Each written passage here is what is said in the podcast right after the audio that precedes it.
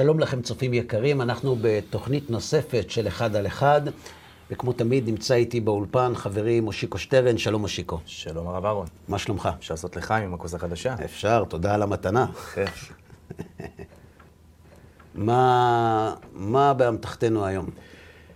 אנחנו uh, עצרנו אתמול בנושא הסנהדרין,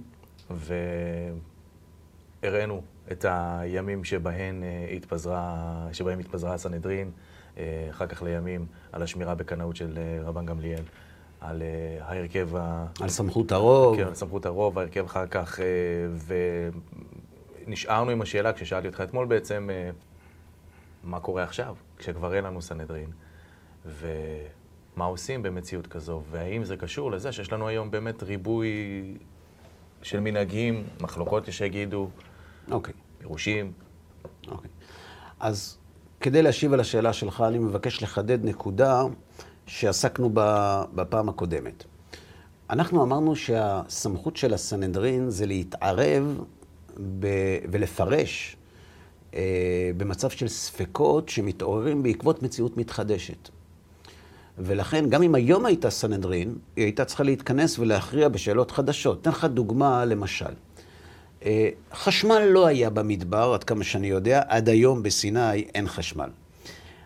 אז תאר לעצמך שהייתה היום סנהדרין, והיו מתחילים להשתמש במוצרי חשמל, ואנשים היו באים לרב של השכונה ושואלים האם מותר או לא. הוא היה הולך לבית הדין שבעירו, הם לא היו יודעים, ואז הוא, הרב והמופלה, היו הולכים אל הסנהדרין שיושבת בירושלים, ואז מגיעים ללשכת הגזית ושואלים, מותר להשתמש במיקרוגל בשבת? מותר להדליק מזגן בשבת או אסור? Mm-hmm. איך הסנהדרין ניגשת לדיון הזה? נכון. אז אני אתן לך דוגמה. ועוד דבר, באגב, אתמול יצא לי לחשוב על זה המון. איך היינו מתמודדים עם הקורונה אם הסנהדרין היו פה היום? שאלה יפה. לא חשבתי על זה. כנראה שאחרת. בואו ניקח דוגמה. כן. אה, איך, איך, איך, איך מגיעים לפסיקת הלכה לגבי חשמל שמשה רבנו לא לימד את בני ישראל? אנחנו אמרנו בשיעור הקודם שחכמי הסנהדרין צריכים להתבסס, הם לא יכולים להמציא כן. דברים מדעת, הם להתבסס על התורה.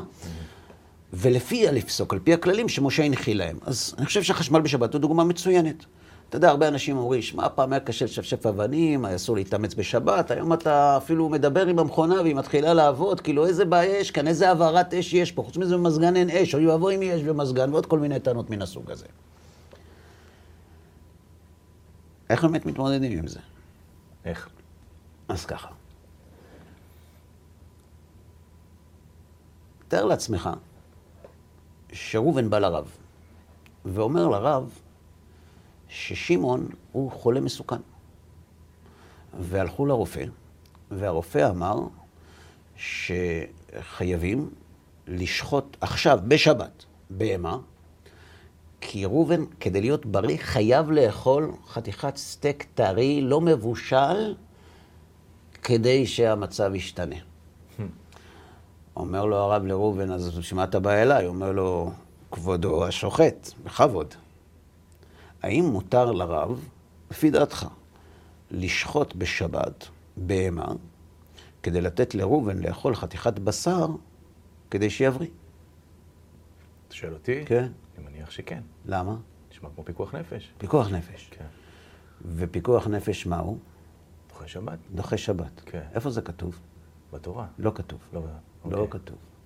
זאת אומרת, לפי אלה שטוענים שהם מוכנים לקיים רק את מה שכתוב בתורה שבכתב, הם פה כבר נתקעים. כי מבחינתם, להיות חולה זה בסדר, לא בשבת. למה? איפה כתוב שפיקוח נפש דוחה שבת? זה לא כתוב. במפורש זה לא כתוב בתורה. אנחנו יודעים כן. שחז"ל לימדו אותנו, שמשה לימד בתורה שפיקוח נפש דוחה שבת.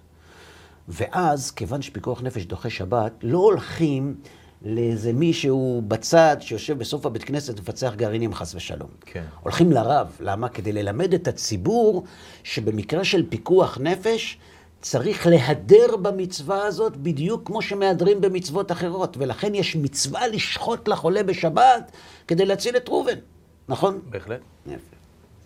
מה יקרה אם ראובן בא לרב ואומר לו, ש... אה, עם שמעון, עם ראובן בעל הרב, אומר ששמעון הוא חולה מסוכן, והרופא אמר שלא עבד הנושא עם, ה... עם הסטייק הלא מבושל, צריך, כדי שראובן יהיה בריא, לבשל לו עכשיו, בשבת, מהבהמה שנשחטה, גולש רומני. רק ככה הוא יבריא. האם מותר ללכת להביא את הטבח שיבשל גולש רומני כדי שאובן יהיה בריא? מה דעתך? נשמע כמו כן. כן. למה? מאותה סיבה. פיגוע נפש. כן. יפה. אתה רואה, נהיינו תלמידי חכמים. עכשיו, יש לי שאלה. תאר לעצמך בסיפור הראשון, אחרי ששחטו לראובן את הבהמה ונתנו לו לאכול את הסטייק, אה, בא מישהו לרב ואומר לו, ראיתי ששחטתם בשביל שמעון, בשביל הסכנה, בהמה, אני יכול גם לסעודה שלישית, כן. לקחת איזה חתיכה, ככה, אני אוהב... אה, נע. מסוכן שלא יהיה לי מצב רוח. מותר לו לאכול מזה או אסור? ודאי שלא. למה? כי הוא לא בסכנה והוא לא חולה. נכון, לכן לא שחטו בשבילו. נכון. אבל שחטו בשביל מישהו שמותר לשחוט, שמצווה לשחוט בשבילו. אתה שואל מה עושים עם עכשיו, אתה היתרה? שוחט, אתה שוחט בהמה שלמה, אתה לא יכול לשחוט 100 גרם. כן. אז כבר שחטתי בהיתר, הבהמה הזאת נשחטה בשבת בהיתר, האם מותר לי לאכול גם, או רק למי ששחטו בשבילו? אני חושב שכן. כן. ככה כתוב, בשולחן ערוך. השוחט לחולה בשבת, מותר לבריא באומצה. למה? כי בשחיטה אחת אתה שוחט את כל הבהמה, אתה לא יכול לשחוט רגל. יפה. ברור. יש היגיון. כן, יש היגיון. עכשיו בואו נעבור לסיפור השני של הגולש. לפני שהטבח מתחיל את הבישול, רץ מישהו לרב, אומר לו, כבוד הרב, אני לא יכול, שב- בשבילי גולש רומני בשבת זה עונג שבת. אפשר להוסיף עוד איזה 50-100 גרם ככה בשבילי, בין כה הוא מדליק את האש. אסור. לא, הוא מבשל. הוא מבשל בשביל החולה. אסור. הוא מדליק את האש בשבילו. הוא מבשל בשבילו. אסור. למה אסור? כי פעולת הבישול הזאת צריכה להיות נטו על מה שנקצב לאותו חולה. למה?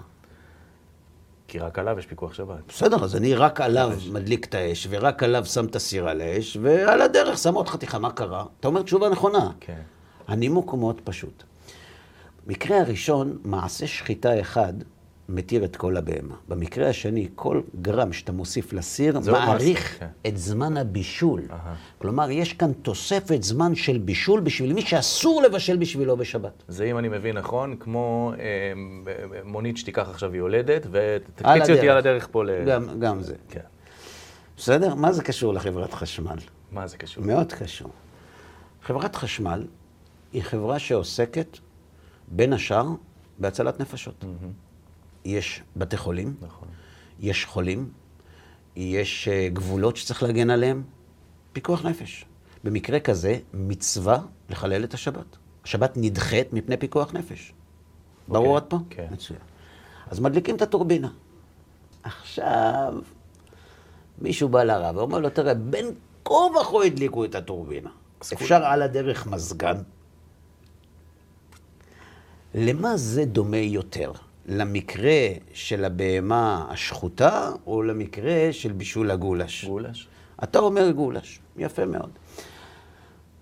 בפועל, הפסיקה תלויה בעיקרון הזה.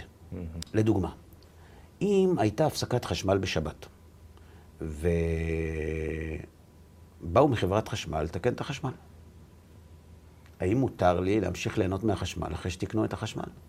תלוי. אם אתה גר בבניין רב קומות, בניין מגורים, מותר לך.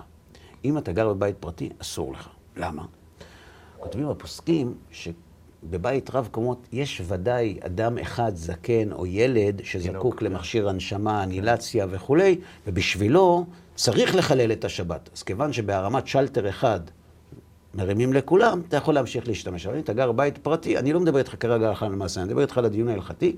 אם אתה גר בבית לבד, הרימו את השלטר בשבילך, בשביל מי הרימו את השלטר, אסור לך להשתמש. אנחנו רואים, יש מחלוקת. יש מחלוקת לגבי שימוש בחשמל בשבת, שיטת החזון איש, יש, יש בזה מחלוקת. גם למה אסור להשתמש בחשמל בשבת? האם זה דומה למלאכה של מבעיר או למלאכה של בונה? יש בזה דיון. אבל כל הדיון ההלכתי בין הפוסקים הוא לא המצאה של הגלגל. ברור. הוא נטילה של כל התקדימים המשפטיים שעוברים במסורה ממשה רבנו, ואנחנו מסתכלים עם המשקפיים האלה על המציאות ומנסים להבין. עכשיו, מה ההלכה באמת? יש דעה כזאת, יש דעה כזאת. ולכן אנחנו חוזרים לסוף התוכנית הקודמת, שבשביל זה אנחנו מחכים לסנהדרין. כי הסנהדרין תכריע, וכשהסנהדרין תכריע, תהיה הלכה אחת לכולם, חוקה אחת תהיה לכם. ומה עד אז? אבל תראה, יש, יש, איזה, יש איזה עניין שהם, אתה יודע, כבר העלינו את הנושא הזה, שאיתו קצת יותר קשה לי, אוקיי? כי אם זה מתיר וזה לא מתיר, ואני עכשיו אדם יהודי, נגיד בעל תשובה, אוקיי? שלא היה רגיל בכל ההתפלמסות הזאת. נראה קצת... אה, לא, אז איך נראה לא נראה. נו, מה אני עושה? לא, למה שאני לא, אתה יודע, מה שנקרא, אה, אח- אחמיר בלהקל, בלהקל. בלהקל. כן. חז"ל- אקח מזה את ההקלה הזאת, אקח מזה את ההקלה הזאת. הסנהדרין לימדו אותנו מה לעשות במקרה כזה. והם אמרו ככה, הרוצה לעשות כדברי בית שמאי, עושה. הרוצה לעשות כדברי בית הלל, עושה. על מתי זה נאמר? על התקופה שנפסקה כבר הלכה כבית הלל, או על התקופה שלפני כן? בטח לפני כן. לפני כן. אז איך מתנהגים בתקופה שלפני כן, שהסנהדרין לא מתכנסת? זה בדיוק התקופה שלנו. אתה רוצה לעשות כמו בית שמאי? יש לדעת בית שמאי מקום בתקדימים ההלכתיים שקיבלנו ממשה רבנו. אתה יכול לפסוק כמוהם. אתה רוצה ללכת עם בית הלל, הם מקילים יותר? גם איתם אתה יכול ללכת. כי גם להם יש מקור בתקדימים ההלכתיים של משה רבנו. כן. העושה כחומרי זה וכחומרי זה, חסיד שוטה. כחומרה. כן. ככולי זה וככולי זה, רשע. או, זאת אומרת, אני כרגע לא נכנס להגדרה ההלכתית. אני אומר, מה לימדו אותנו חז"ל? לימדו אותנו חז"ל שכל עוד לא הוכרעה ההלכה, כל שיטה שמעוגנת בסברה הלכתית תקדימית, שמבוססת על תקדים, אפשר לנהוג כמוה. בלב שקט, בנפש חפצה. עכשיו, אתה רוצה להחמיר על עצמך? זו זכותך. אבל אתה יכול לנהוג כך ואתה יכול לנהוג כך. ברגע שתתכנס לסנהדרין ותכריע, תהיה הלכה אחת. לכן, אני ממש לא מתרגש מהעובדה שהרב הזה פוסק כך והרב הזה פוסק כך. זה מתבקש שכך יהיה. אבל השאלה שאני שואל היא למה, כי יש הרי את ההוראה הזאת, או את ההלכה הזו, שאם הלכת על פי פסק של X, או אתה, לצורך העניין, מקל כמו התימנים בשבת אה, בפלטה, אז אתה חייב לעשות כל מה שהתימנים עושים. תראה, אני שוב לא נכנס, אנחנו לא נסיים בתוכנית הלכתית. נכון. אבל אה, לימד אותי מורי ורבי עליו השלום, שאתה יכול לנהוג ככולי זה וככולי זה, אבל לא באותה הלכה. זאת אומרת, בהלכה הזאת אני מקל כמו זה, בהלכה אחרת אני מקל כמו ההוא. זה לגיטימי. כן. באותה הלכה, להקל משני הצדדים, זה רשע. ככה הוא לימד אותנו. מה זה הדוגמה לזה? מה זה להקל בשני דברים?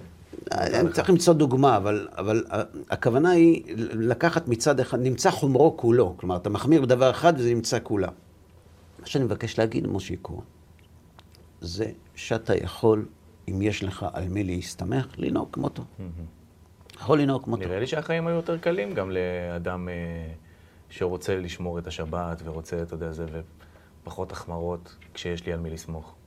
אם יש לך על דעה הלכתית לסמוך, אתה יכול לסמוך עליה, אין שום בעיה. אף אחד לא מכריח אותך להחמיר. אני אתן לך דוגמה. כשאשתך מבקשת ממך קפה, ואתה שם לה עוגה, אתה מחמיר באהבה, נכון, נכון? אתה לא מחפש סגולות. נכון. אתה אומר, אני הולך, ואולי תרצה עוגה. אולי, אולי, אולי תרצה עוגה, אולי העוגה, גם אם לא תאכל אותה, היא תעשה לה טוב לקפה. היא תשדרג לה את החוויה. כיוון שאני אוהב את אשתי, אני עושה את זה. אתה לא חייב להחמיר. מי שמחמיר, אני לא מדבר על אנשים שמחמירים מסוג של פחד. פחד. אנשים שמחמירים כי הם אוהבים את השם. הוא אומר, אני, אני רוצה הכי טוב בשבילך, ריבונו של עולם. מהדר. להדר במצוות, זה בא מאהבה. נכון. אין עם זה שום בעיה. אתה לא רוצה? אתה רוצה לעשות עסקים עם הקדוש ברוך הוא? אז תבדוק. חייב? לא חייב. יש להם מי לסמוך? יש תקדים משפטי שאם אני אעמוד למשפט אני אוכל להשתמש בו? אין בעיה, לא משלם. בסדר, זכותך, הכל בסדר. אבל צריך לדעת שיש לך, יש לך עיגון בחוק. כן. כשתקום הסנהדרין זה יסתיים. תהיה הלכה אחת, וככה נצטרך לנהוג. זאת אומרת, אפשר בינתיים עד הסנהדרין לעשות איזה סטארט-אפ ולכתוב את ספר ההקלות הגדול, זה בטח יהיה רב-מכר, לא? זה לא צריך לכתוב. כשאנשים למשל מתחילים לשמור שבת, כן. והם באים לרב ושואלים אותו איך שומרים שבת, אז הוא אומר להם, תראו, אלו הם ההלכות, אבל פה אתה יכול להקל. פה אתה גם יכול להקל. פה אתה גם יכול להקל. למה הם אומרים להם את זה? כדי להקל. הם אומרים להם את זה כדי שההתהלכות שלהם בעולם המצוות תהיה יותר נוחה וקלה, כלומר שה, שהקליטה תהיה יותר טובה. כן. לא אומרים להם, תשמע, יש מקום להחמיר, במקרים מסוימים. לא בכל מקום יש מקום להחמיר, אבל יש מקרים שיש מקום להחמיר, אבל לא, לא, לא, לא כעת. כעת מספיק ככה. זאת אומרת, בשביל זה צריך הדרכה. אבל אם אנחנו מדברים ברמה העקרונית, ברמה העקרונית, אם יש פוסק הלכה שיש לו על מה להסתמך, והוא אומר כך, עכשיו, איך אני אדע אם הרב שאומר שיש לו על מה להסתמך, באמת יש לו על מה להסתמך? אני הולך לבית שמאי. אני שואל את בית שמאי, תגידו, כשבית הלל פוסקים הפוך מכם, יש להם על מה להסתמך או אין להם? מה יגידו לי בית שמאי? שכן. יש להם. אנחנו חולקים עליהם, אנחנו חושבים שזה לא נכון, אבל יש להם על מה להסתמך. זאת אומרת, יש מקום לסברה שלהם. כן. לכן אם אתה רוצה לדעת אם אתה יכול לסמוך על הרב, תלך לרב אחר, גדול בתורה, תגיד לו, לסברה הזאת שאומר הרב הזה, יש על מה להתבסס? אם הוא יגיד אין על מה להתבסס, אז אין על מה להתבסס. אם הוא יגיד יש על מה להתבסס ואני חולק עליו, אז יש על מה להתבסס. תרצה אתה, תקשיב למי שאתה רוצה. אני חייב לגעת בזה, כי זה, אתה יודע, אנחנו מדברים עכשיו על מחלוקות כאלה, ואנחנו מנסים להוכיח פה שבאמת אה, בתקופת אה, הסנהדרין היה קל יותר, אבל שהיום ההבדלים הם אה, באמת בדקויות. אבל למשל, דוגמה למה שקרה לנו עם חג הפסח עם הזום, זו דוגמה מדהימה. לראות חבורה גדולה של רבנים עם בעלי בעלי אס- אסמכתה, אתה יודע, הם, הם אנשים שמסמיכים, ויש להם את האפשרות לקבוע פסקי הלכה בז'אנר שלהם או בעדה שלהם. והתנגדות כל כך גורפת מהצד השני, כשאתה יודע, זה, אם אתם מקשיבים להם אז וכל מיני כאלה, אז זה כבר לא מחלוקת, זה כבר נראה כמו, אתה יודע, אני לא כל כך בקיא בסיפור, אבל עד כמה שאני יודע, ואני לא, לא בטוח שאני יודע בצורה מדויקת, אתה יכול לתקן אותי, הדיון היה קודם כל לגבי זום עם אנשים שנמצאים, מבוגרים, שנמצאים בסיכון. זאת אומרת, שלפי דעת אלה שהתירו, סברו שמדובר בפיקוח נפש. נכון, נפשית. כן, נפשית זה אותו דבר. נפשית גורמת לגופנית, בפרט בגילאים כאלה. ו... ועל זה, אם זה היה באמת כך, אני לא חושב שהיה ויכוח. זאת אומרת, אם... מותר לכתוב בשבת בשביל אדם שהוא בפיקוח נפש. אני חושב שהייתה אי-הבנה בטכנולוגיה. זאת אומרת, באיך זה עובד. כי עד כמה שאני יודע, ואני שוב פעם, לא יודע אם אני מדייק, בסופו של דבר, גם אלה שהתירו חזרו בהם. חלקם, כן. כן. זאת אומרת שיש כאן ויכוח. כן. אה, את- בענייני רפואה, אתה לא חייב ללכת לזום. בא בן אדם לרופא, אומר לו, אני מותר לי לצום בכיפור, אסור לי לצום בכיפור. הולך לרופא, אומר לו, תשאל את הרופא. הולך לרופא, הרופא אומר לו משהו. אומר לו משהו. והוא בא עם המידע הזה לרב, והרב אומר לו, לפי זה אסור לך לצום או אתה חייב לצום. ואז מגיע הרופא לרב ואומר לו, מה, איך אתה אומר לו שהוא חייב לצום? אתה, יש פה טעות, אתה... זה פיקוח נפש. נגמר הסיפור, הרב חוזר בו ואומר לו, אם זה פיקוח נפש, אני מבטל את דעתי, אני לא הבנתי נכון כן. את מה שהוא אמר בשם הרופא. זאת אומרת, צריך שגם הנתונים שמוגשים לרב יהיו נתונים מדויקים. אבל לגבי מה שאתה שאלת על היום, היום, היום, היום, מה שהרבה יותר מפריע לנו, גורם לחוסר נוחות, ואני נתקל בזה הרבה בסמינרים של הערכים, אני בטוח שגם אתה נתקל בזה עם אנשים שאתה נפגש, זו ההרגשה שהיינו מצפים מהתורה שתהיה אחידה. כלומר, שתהיה תורה אחת, כי, כי באינטואיציה שלנו זה באמת נכון. תורה של הקדוש ברוך הוא צריכה להיות אחת. כי הם לא מבינים שכשאין סנהדרין אי אפשר וגם לא ייתכן וגם אסור שתורה תהיה אחת. אומר מהר"ל, כי אם כשאין סנהדרין התורה היא אחת, זאת אומרת שסגרו את בתי המדרש ולא חושבים יותר. נכון. אבל מה שגורם לקושי הגדול זה יותר הגזרות והתקנות. זאת אומרת, אנשים אומרים, מי הם הרבנים שיוסיפו לנו על מה שכתוב בתורה? התורה אמרה ככה, מה אתה מוסיף? נכון. אתה רוצה להחמיר, תחמיר על עצמך, מה, מה פתאום שאני מחויב אליך? שלא לדבר על הנזקים שזה עושה אחר כך תקשורתית, כי יודעים לצטט את הדבר הקטן שנאמר מתוך הדבר הגדול. ו... אז קודם כל, בוא נדבר על, ה, על הנושאים האלה, כי זה, זה בפרקטיקה של החיים. למשל, אתה סיפרת לי באחת התוכניות שאביך הוא ממוצא אשכנזי, כן. והאימא שלך היא ממוצא מרוקאי. עכשיו, כל אחד מגיע מבית עם מנהגים אחרים. עכשיו, מה עושים בפסח? אתה יודע שאשכנזים לא אוכלים קטניות בפסח. ספרדים, לא עובר פסח שהם לא אוכלים קטניות. נכון. אז מה, מה- אני לא מבין, להם זה חמץ, להם זה מצה, אני לא מבין איך זה עובד. איך זה עובד הדבר הזה? וזה גורם להרבה אנשים להאמין לשטיפת המוח שעושים לאנשים שהרבנים ממציאים סברות מעצמם, וזה- בכלל לא נכון. בואו ניקח את הדוגמה הזאת.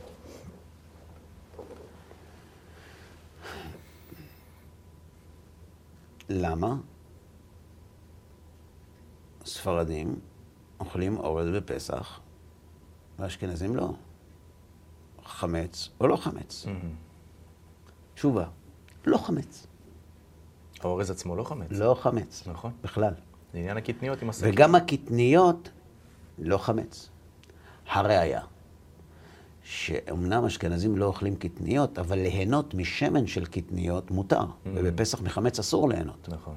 זאת אומרת, גזרו חכמי אשכנז הקדומים והקדושים תקנה מסיבה כלשהי, שהיא, שלא יהיו אוכלים באשכנז קטניות. למה? כי זה נראה כמו לחם, בגלל אלף ואחת סיבות.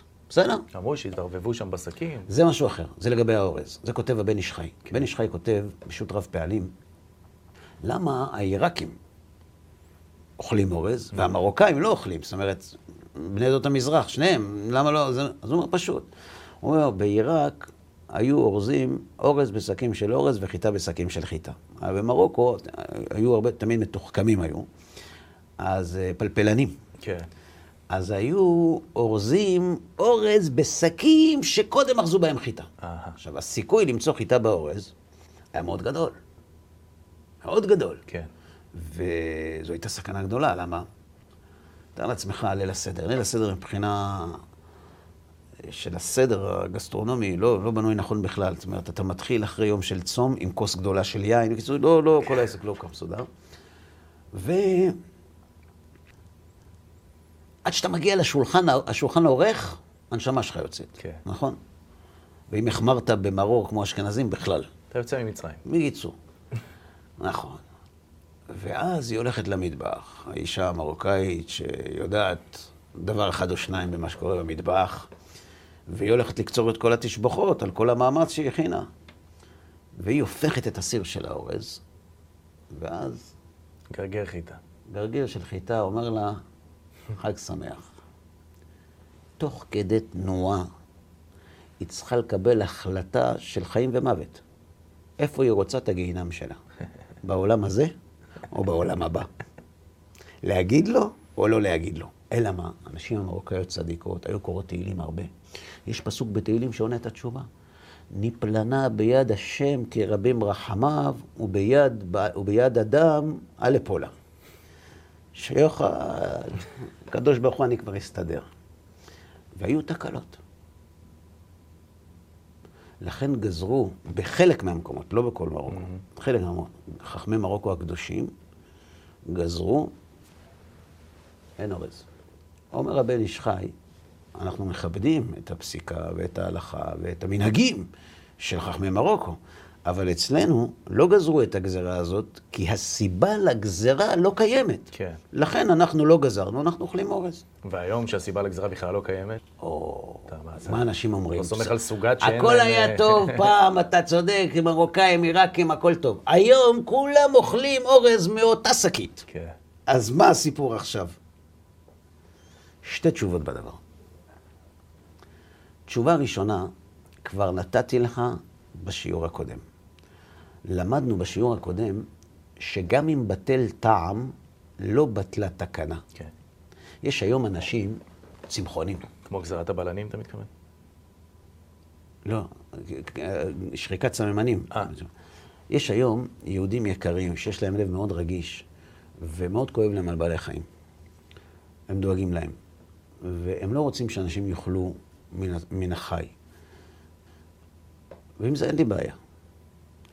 הבעיה היא שהם החליטו שהתורה צמחונית.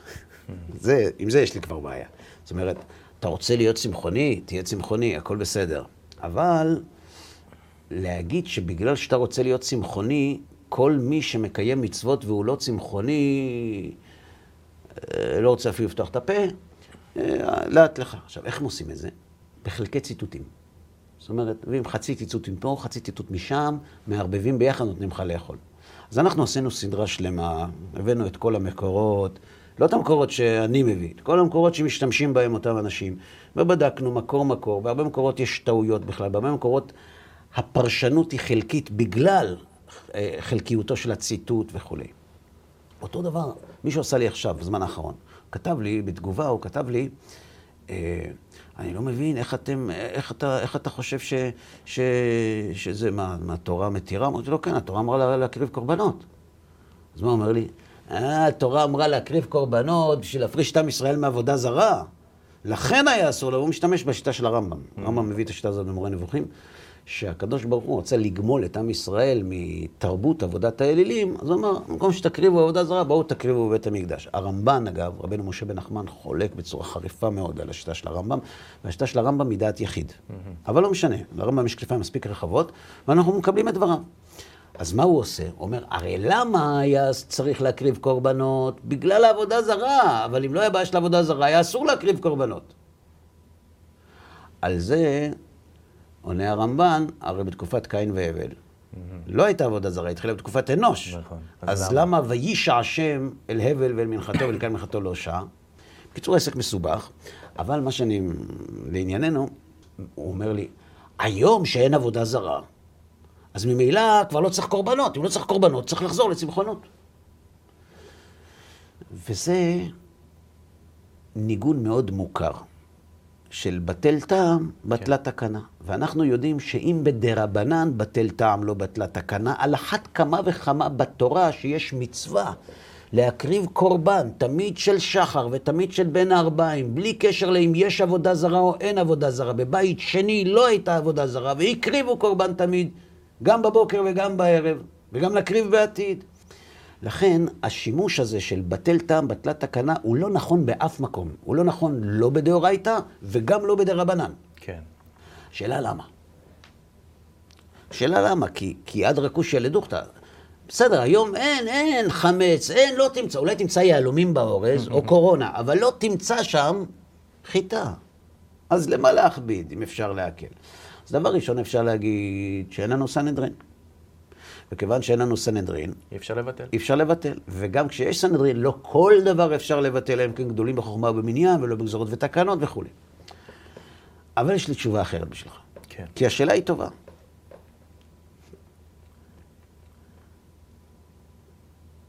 רבי משה איסרליש, עליו השלום, הרמה, תלמידו של רבנו שלום שכנה מלובלין, שהיה תלמיד של רבי יעקב פולק בעל החילוקים, שהגיע מפראג לפולין. והוא למעשה הביא את שיטת הפלפול ממערב אירופה למזרחה.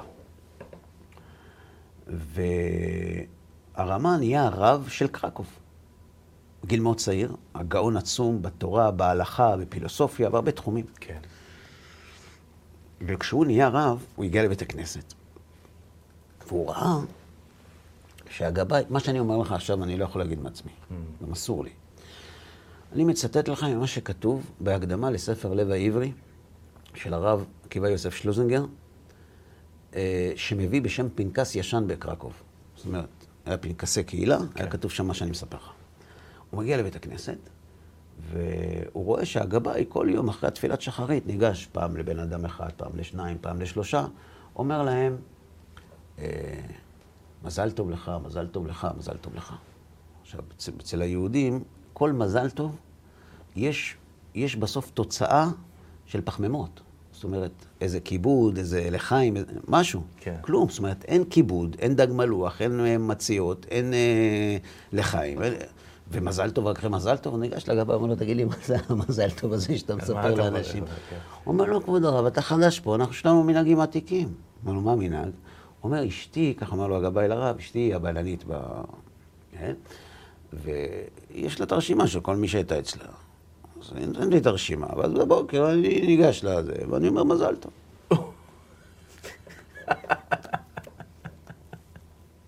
הרמה אומר לו, איך אתם עושים דבר כזה?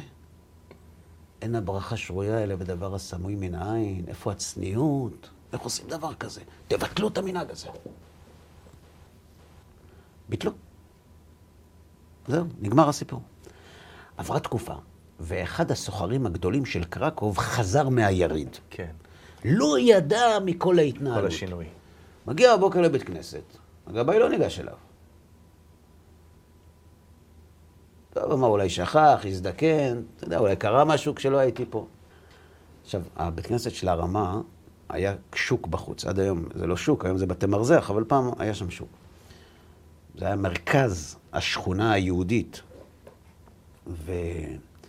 ובשוק, פתאום העשיר רואה את הגבאי, אומר לו, בוא הנה. אומר לו, מה? אומר לו, תגיד לי, מה, אני, אני גוי? הוא אומר לו, למה חס ושלום תדבר ככה כבודו? הוא אומר לו, מה זה כבודו? למה לא אמרת לי מזל טוב? אז הוא אומר לו, אה, מחילה, שכחתי. תשאל מה היה כשלא היית פה, הרב בא אליי, ירד עליי, אמר לי, איך עושים דבר כזה? תבטלו את המנהג, בשום אופן, אני לא, לא יכול יותר להגיד את זה. אז הוא אומר, רגע, אז עכשיו אתה לא מודיע לאף אחד? אמר לו, לא. אמר לו, אה, אם ככה, אז בסדר. ואז השם מסתובב ללכת. ואז הגבאי אומר לו, סליחה, כבודו, אל תגיד לאף אחד. אבל אם כבר אנחנו מדברים, בדקתי ברשימה. לא מגיע לך מזל טוב. ואז התברר שבקרקוב היה מקווה, שהיה מרוחק וחשוך וקר. וכנראה שהיו נשים, לא רבות, אבל היו נשים שמהפחד שלהם היו אומרות שהלכו. וואו. ולא הלכו. אז תיקנו תקנה שהגבאי בבוקר יגיד לבעל מזל טוב, כאילו, כמו שנותנים היום פתק. כן. הכל בסדר. כששמע הרמה עליו השלום, הרמב"ם של יהדות פולין, רבנו משה איסרליש, את הסיפור הזה, כך כתוב בפנקס ישן של קרקוב, במילים האלה אני נזהר, קיבל על עצמו בתשובת המשקל להעמיד יד ושם בכל מנהגי אשכנז. ואם תסתכל באמת בתוספות של רבנו משה איסרליש על השולחן ערוך, מה שנקרא המפה על השולחן ערוך, רבי משה איסרליש, בהרבה מאוד הוספות על הפסיקה של רבי יוסף קארו, תראה את המילים, ונוהגים אצלנו, ובאשכנז נוהגים, ונהגו, ונוהגים, ואם תרצה לראות עד כמה הוא מזהיר מביטול מנהגים, תסתכל בפורים, בהלכות של פורים, מה הוא כותב על אנשים שמנסים להשתיק ילדים שעושים רעש באמן במגילת אסתר. זאת אומרת, למה בטל טעם לא בטלה תקנה, מלמד אותנו הרמה עליו השלום? כי יכול להיות שלתקנה יש כמה טעמים. וטעם אחד אומנם מתבטל, ומה לגבי הטעם השני? לכן, בטל טעם לא בטלה תקנה. ולכן למרות שהיום כולנו פה בארץ ישראל, וכולנו אוכלים אורז מאותו סיר, אבל את המנהגים אנחנו ממשיכים לשמור, כי למרות שבטל טעם לא בטלה תקנה. חזק. אבל מצד שני צריך להיזהר בעוד דבר. כן. יש גם מנהגים של שטות. יש. יש אמונות טפלות. יש. אז צריך לדעת מה זה מה. אתן לך דוגמה. אבי מורי, אה, הוא תלמיד חכם. יום אחד דופקים אצלנו בדלת אחרי צהריים, אני פותח את הדלת, אני רואה את הרב הגאון, הרב יואל לבל, עליו השלום. הוא היה רב של סטרסבורג. הוא היה גאון עצום בתורה, בתורת הסוד, בהלכה, מלא וגדוש. הוא היה כבר יהודי מבוגר, אז הוא דופק בדלת, אני פותח, אני רואה את הרב, יש לו הדרת פנים, אני מיד רץ לקרוא לאבא שלי. אבא בא, אומר לו, הרב, למה באת לפה? אני, היית קורא לי, הייתי בא. הוא אומר לו, לא, הרב לוי, אני בדרך לבית הכנסת. זה היה בדרך לבית כנסת. אז רציתי לשאול אותך שאלה. תגיד, הוא אומר לאבא שלי, הרב לוי, אתה מכיר כזה מנהג, ש... שעושים המוציא בשבת, הלחם משנה, אז את החלה שבוצעים משאירים על השולחן. אבל את החלה שלא בוצעים, לפני שבוצעים את החלה השנייה, עוטפים אותה במפית, שמים אותה על שולחן אחר, כדי שלא תהיה על אותו שולחן בזמן שבוצעים את החלה השנייה, כדי שהיא לא תתבייש שדווקא על השנייה בוצעים ועליה לא. אבא אומר לו, לא, לא שמעתי על מנהג כזה, כבוד הרב. אבל זה שלא שמעתי זה לא אומר שזה, שזה לא נכון, אני לא, כן. לא יודע, לא, לא שמעתי. הוא אומר לו, אני אשאל אותך את זה עוד פעם. אז הוא חוזר עוד פעם על אותה שאלה. לו, לא, לא זוכר.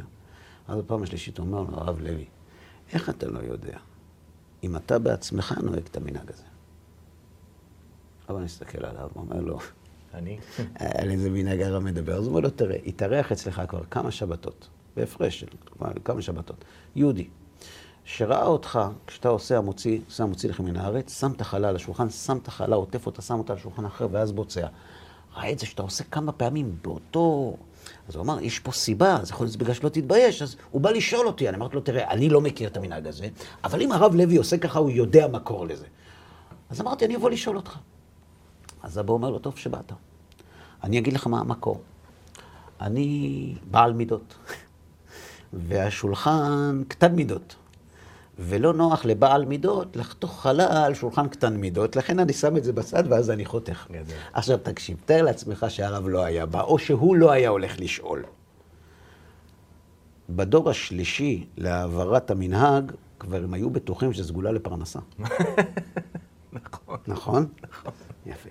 אז אני לא חס ושלום בא לזלזל במנהגים. אסור לזלזל במנהג. אבל לך תדע, הרמ"א. לך תדע, זה גם. לך תדע, איך תדע? תשאל את המומחים, הם כן. ידעו להגיד לך. הרי יש את הסיפור, אתה מכיר את הסיפור הידוע מארצות הברית עם הרב פיינשטיין? שמה? שהיה איזשהו מקרה שהוא בישיבה שם, מישהו ראה אותו מניח חלב של פירמה A, בוחר חלב של פירמה B ומוזג אותו לכוס. בסדר? הלך וסיפר את זה לכל הקהילה, ומאותו היום הלכו המכירות של החלב ההוא. אף אחד לא קנה יותר. חשבו חלב נוכרי וכן הלאה וזה. תקופה ארוכה מאוד. הבעלים של החברה, או מישהו מאוד מאוד רציני מהחברה של החלב הראשון, הבין שיש פה איזה סוג של תקלה וזה, ניגש להבין מה קורה, ואז אמרו לו, תשאל את הרב פיינשטיין, הבנתי שהוא לא שותה וזה וזה. הגיעו עד אליו. ואז הוא אמר לו, מאיפה הבאתם את זה? מה פתאום? שום פנים ואופן לא. ואז הסבירו לו, ראו אותך עושה ככה. החלב היה ריק. סיפור. זה מנהג הרבה יותר מתקדם. נכון, נכון. לכן, לכן צריך אדם לשמש תלמידי חכמים. אתה רואה משהו? תשאל אותו, למה כבוד הרב אתה עושה ככה? יש לנו אצלנו בבית כנסת, הרב שלנו, אנחנו עושים במנהג קבוע אה, הקפה כזאת ב- בלך דודי, בערב שישי. לפני ההקפה יש את בואי בשלום, מסתובבים, נכון? כן, המערבי. כן, כן. הרב שלנו באופן קבוע היה עושה מין סיבובון כזה דרך רגל שמאל, בצורה כזאת שנראית כמו איזה מין פירואט כזה של, אה, של בלט. ראה אותו מישהו, אמר, תסתכל על הרב מה הוא עושה. עכשיו זה קבוע, הוא עושה את אותו דבר. כולם התחילו לעשות אחריו. עד שיום אחד אני הלכתי לשאול אותו, מה, הרב, מה הקטע? מה, למה בצורה הזאת? הוא אמר, לא, פה כואב לי הרגל. אמיתי. תקופה ארוכה מאוד. טוב, אז הנה, אז, אז לכן, מצד אחד צריך מאוד להיזהר במנהגים, ולכן הבאנו את הדוגמה שמופיעה בפנקס ישן של קרקוב, ומצד שני, את כל הסיפורים האלה, כשבא מחסית שאל את האדמו"ר, למה הוא חותך את הציפורניים רק אחרי המקווה? אז הוא אמר לו, תצום 40 יום, אני לא מספר סתם סודות. אז אחרי 40 יום הוא אמר לו שאחרי המקווה האצבעות יותר רכות פשוט, אז יותר קל את זה. צריך לדעת, צריך לדעת גם איך לשאול. בכל מקרה, אני רוצה אה, לסיים עם עוד נקודה אחת את התוכנית הזאת. בדיוק עכשיו, אחרי פסח, בתקופת הקורונה, קיבלתי שני מיילים זהים כמעט לחלוטין. כן. אמר לי בן אדם, שמע, יום טוב שני. למה עושים יום טוב שני? למה להקשות? הרי אז לא העדים, כן הגיעו, לא הגיעו, שמע צריך לעשות היום יום טוב שני. ברור לכל הדעות למה נוהגים יום טוב שני, אין טעמים נסתרים, הטעמים האלה לא קיימים היום, אז צא לדרך, למה לא מבטלים את זה? אתה יודע כמה עוגמת נפש, אתה יודע כמה כסף מפסידים היהודים שתורמים לכם, זאת אומרת לכם, זאת אומרת הוא דואג לי, תורמים לכם מחוץ לארץ כל כך הרבה כסף, אתה יודע כמה ימים הם מפסידים בשנה, ימי עבודה רק בגלל היום טוב שני הזה? כשהיום בכלל זה כבר לא נוהג. ובפרט כשהם בארץ, וזה גם, הוא נהיה צדיק, גם אומר לי, זה יכול לבוא לידי זלזול, כי הם כבר לא יכולים לעמוד בזה, ומקילים, ואז יבואו להקל גם יום טוב ראשון.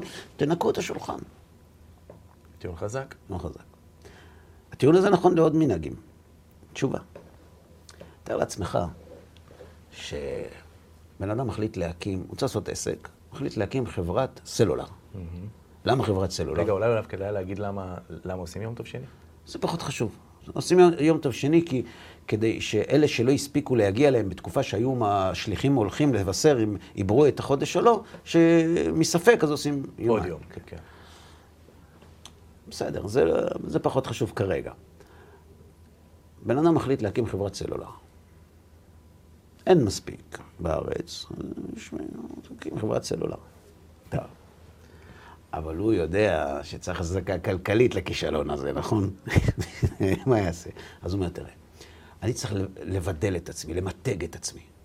אז המכשירים הכי זולים יש, השירות הכי גרוע יש, לכל החיים יש. אני לא הולך לתת בזול שום דבר. אני נותן משהו שאף אחד לא נותן. שירות VIP. אתה מתקשר, מיד עונים. כמה שיעלה, כמה טלפניות שצריך. אתה מגיע לחנות, אתה מקבל את השירות הכי טוב. כאילו אתה ראש ממשלה. שירות זה מוכר. אנשים מוכנים לשלם על שירות כשאחרים מתייחסים אליהם בזלזול. נכון. והוא באמת פתח חברה ולקח את כל הצוות שלו לקאוצ'ינג ולהרצאות ולפיתוח האישיות. באמת, עושה להם מבחנים. שומרי המלכה באנגליה מחווירים ליד הבחורים שלו. כן. והוא באמת מצליח. יום אחד נכנס לחנות מישהו שהעמיד במבחן את המוכר. ניגש אליו, התחיל לקלל, איזה שירות אתם נותנים, איזה מכונות יש לכם, איזה זה, תתביישו לכם, גנבים, כולכם וגם אתה. ו... שעה שלמה מקלל אותו, ההוא עומד, לא מגיב, אומר לו, אדוני, אנחנו נוציא אותך מכאן מרוצה, אנחנו נשב, נפתור את כל הדברים, והוא מקלל והוא מרגיע. שעה שלמה. אחרי שעה הוא התחיל להכניס את המשפחה. אבא שלך ואימא שלך, כשזה הגיע לילדה שלו, זה כבר היה מעבר ליכולת שלו, כי הילדה שלו כבר לא ילדה שלו. וכשהוא הזכיר אותה, כיוון שהיה לו רקע בקרב מגע, ההוא המקלל לא הרגיש שהוא מחוץ לחנות. אבל גם הזכוכית לא הייתה. טוב. ואז הוא מקבל טלפון פנימי מהמנכ"ל בקומה השנייה. תעלה אליי בבקשה. עולה אליו. אומר לו, תקשיב, אני שעה וחצי יושב, מסריט אתה מודל. כל מי שיבוא לעבוד אצלי, אני אראה לו, תסתכל. זו דוגמה לשירות. אני גאה בך. אתה מפוטר. אומר לו, תגיד לי, מה קרה לך? אומר לו, תראה, אין ספק, אני במקומך הייתי שובר לו את העצמות אחרי שתי דקות. זה שהחזקת שעה וחצי... מדהים. זה מדהים. אבל אתה ביטלת את ההצדקה הכלכלית של החברה שלי. שבנויה על שירות. לכן, אני נורא מצטער. עם כל הלב שלי לעזור לך, אני אעזור לך למצוא עבודה אחרת, פה אתה לא יכול להישאר. מה זה קשור ליום טוב שני של גלויות? אני אומר למי ששואל את השאלה הזאת, את התשובה הזאת. אני אומר לו, תראה, אתה צודק. באמת, באמת יש מקום אולי לחשוב על זה. יש בעיה טכנית עם זה, אבל אתה צודק, יכול להיות שבאמת צריך לבטל את זה. אבל אני רוצה לשאול אותך שאלה. הרי כל המסורת שלנו בנויה על אמינות. כן. זה המיתוג שלנו. העברה מאב לבן, לא שכחנו שום דבר בדרך, הכל עובר. דיברנו על זה. נכון. אני רוצה לשאול אותך שאלה. אם יהודים בכל העולם ממשיכים לקחת על הגב גם מנהג שהם יודעים שהיום, אם הייתה סנהדרין, היו מבטלים אותו, ולמרות זאת הם מקפידים ולא מבטלים אותו, וממשיכים לקחת את זה על הגב. כשהילד של האיש הזה יראה את זה, הוא יגיד לעצמו, אם את המנהגים שכבר אפשר לבטל, אבא לוקח על הגב, זה אומר שכל המנהגים האחרים, גם הם הגיעו ממשה רבנו. אתה מבין? יום טוב שני, זו ההצדקה הכלכלית של היהדות. זה מה שמבדיל אותנו, זה מה שממתג אותנו. לכן, למרות זאת, אנחנו לא מבטלים את זה. ברור. טוב, כן. אז יש, יש עוד מה לעסוק. כן. יש עוד מה לעסוק בהרבה תחומים. ובעזרת השם גם נעסוק, אבל בכל מקרה, את הנושא הזה של הגזרות והתקנות, לפחות הבנו. כי למעשה אנחנו רואים שחכמי ישראל גוזרים ומתקנים לא סתם, אלא יש תקלה, גוזרים גזירה. יש משהו, מתקנים תקנה. עכשיו, אנחנו חזרנו מן הגלויות. כולנו, כל אחד מביא איתו את היום טוב שני שלו, את החבילות שלו כן. לארץ ישראל, כן. ועכשיו צריך כאן מישהו שיעשה סדר. סדר. כן. ולכן, גם בגלל התקנות והגזרות והמנהגים, אנחנו אומרים, השיבה שופטנו כבראשונה ויועצנו כבתחילה. בעזרת השם. אז אני מודה לך על עוד תוכנית ועל הכוסות היפות שהבאת לנו לכאן לתוכנית כדי למתג כן. את התוכנית שלנו. שיהיה לך רק טוב, מושיקו. הרבה הצלחה בכל מעשיך, כן. ובעזרת השם ניפגש בתוכנית הבאה. תודה רבה גם לכם, צופים יקרים, שהייתם איתנו, מקווים שנהניתם, מקווים שהדברים הם לתועלת, ובעזרת השם נשוב להיפגש יחד בתוכניות הבאות. כל טוב לכם.